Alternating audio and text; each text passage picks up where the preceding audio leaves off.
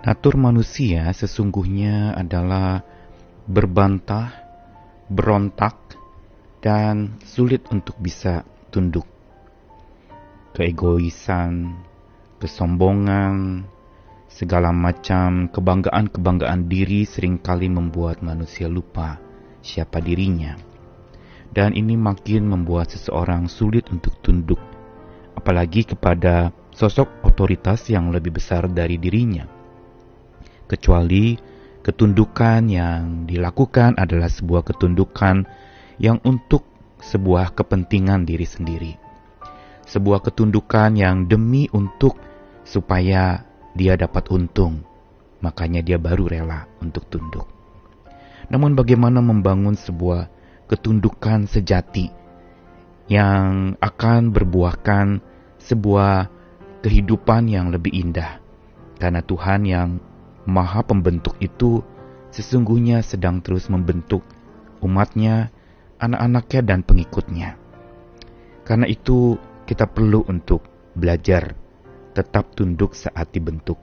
Karena bila tidak, maka hasil bentukan hidup kita akan menjadi hasil bentukan yang sembarangan, yang tidak indah, karena kita sulit untuk dibentuk.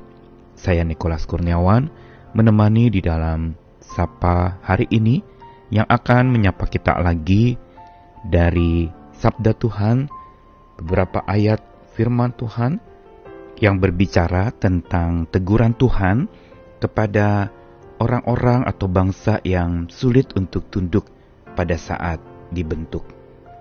Pertama dari Yesaya pasal yang ke-29 ayat yang ke-16. Betapa kamu memutar balikan segala sesuatu Apakah tanah liat dapat dianggap sama seperti tukang periuk? Sehingga apa yang dibuat dapat berkata tentang yang membuatnya.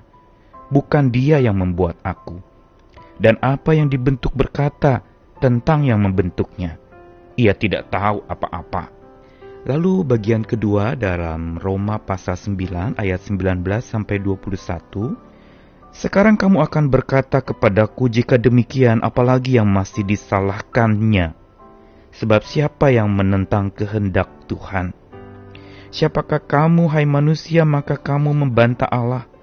Dapatkah yang dibentuk berkata kepada yang membentuknya, Mengapakah engkau membentuk aku demikian? Apakah tukang periuk tidak punya hak atas tanah liatnya untuk membuat dari gumpal yang sama suatu benda untuk dipakai guna tujuan yang mulia? Dan satu benda lain untuk dipakai guna tujuan yang biasa.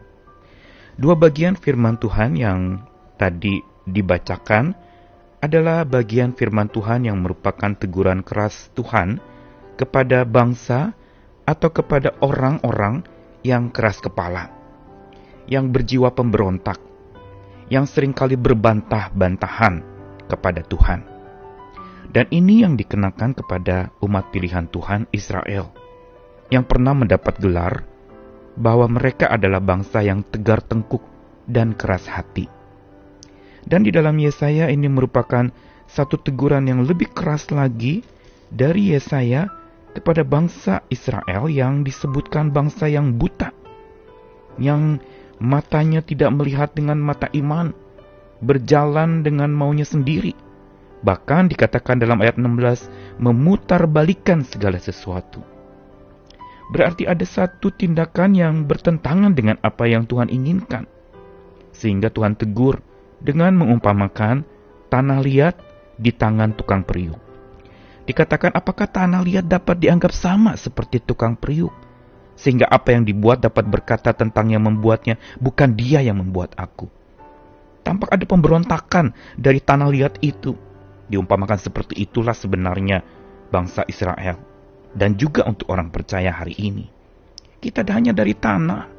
Kita dibentuk oleh Tuhan jadi manusia dan juga tangan Tuhan yang membuat kita menjadi seperti apa yang Dia mau, bukan seperti apa yang kita mau. Bahkan pemberontakan itu tidak berhenti saja sampai mengatakan bukan dia yang membentuk aku. Tetapi juga ada sebuah pernyataan yang kasar dan keras dari pihak yang dibentuk, ia tidak tahu apa-apa tentang saya. Ungkapan ini menunjukkan pemberontakan sekaligus juga kekerasan hati seseorang yang menganggap bahwa Tuhan tidak berotoritas, yang menganggap bahwa Tuhan itu bukan pembentuk hidupnya. Dialah sendiri yang membentuk dirinya sendiri untuk menjadi seperti maunya sendiri. Bahkan ketika Tuhan mulai berkarya, intervensi membentuk hidup kita, maka seperti orang-orang itu yang mengatakan ia tidak tahu apa-apa. Kita seolah-olah mengatakan Tuhan yang maha tahu itu tidak tahu apa-apa tentang kita. Bukankah dalam amarah sering kali anak-anak suka berkata demikian? Papa mama tahu apa sih tentang saya? Ungkapan ini adalah ungkapan kekerasan hati sekaligus pemberontakan. Kita sering kali meremehkan nasihat-nasihat dan perkataan dari orang yang berotoritas. Dan ini adalah bicara soal bagaimana kita belajar untuk tunduk saat dibentuk. Begitu juga di dalam surat Paulus kepada jemaat di Roma, yang kembali lagi mengungkapkan tentang Israel, yang dikatakan mereka adalah orang-orang yang membantah Allah. Dapatkah yang dibentuk berkata kepada yang membentuknya, "Mengapa engkau bentuk aku demikian?" Tidak terima. Mereka tidak dapat memahami bagaimana Tuhan membentuk. Yang ada mereka menyalahkan Tuhan dan merasa diri benar. Mereka tidak pernah mau tunduk kepada Tuhan yang paling berotoritas. Dan Tuhan menegur dengan begitu kerasnya. Sampai dikatakan, tukang periuk, apakah tidak punya hak atas tanah liatnya? Seolah pertanyaan ini mau mengatakan bahwa tukang periuk justru punya hak atas tanah liatnya untuk membuat dari gumpal yang sama benda-benda yang akan dipakai untuk tujuan yang mulia atau sekaligus benda untuk tujuan yang biasa. Yang tahu tujuan untuk segumpal tanah liat menjadi bejana, menjadi periuk, itu adalah si pembuatnya. Pelajaran kita hari ini adalah kita sedang dibentuk oleh Tuhan sesungguhnya, lewat apa pun yang terjadi. Namun kita baru bisa jadi pribadi yang indah terbentuk bila kita dengan rendah hati mau menyediakan dan merelakan diri untuk tunduk saat dibentuk. Ada sebuah kesediaan diri dan kerelaan diri untuk tunduk saat dibentuk. Dan ini satu hal yang paling sulit, menundukkan diri. Kita mungkin menundukkan orang lain kepada kita, meminta orang tunduk kepada kita, kita bisa memaksa dengan begitu keras, tapi pada saat kita yang diminta untuk tunduk, apakah kita mau? Belum tentu.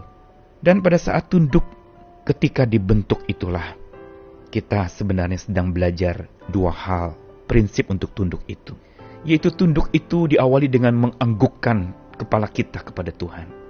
Berarti mengiyakan, setuju dengan apa yang dikatakan. Menganggukkan kepala tanda, ya Tuhan jadilah seperti yang engkau mau, membentuk saya sesuai dengan apa yang engkau paling tahu dan paling mau untuk saya. Selain menganggukkan kepala, mengiyakan Tuhan, kita juga perlu untuk bukan saja menganggukkan, tapi menaklukkan diri di bawah otoritas Tuhan. Menaklukkan diri ini adalah satu hal yang paling sulit. Menaklukkan diri bicara penguasaan diri.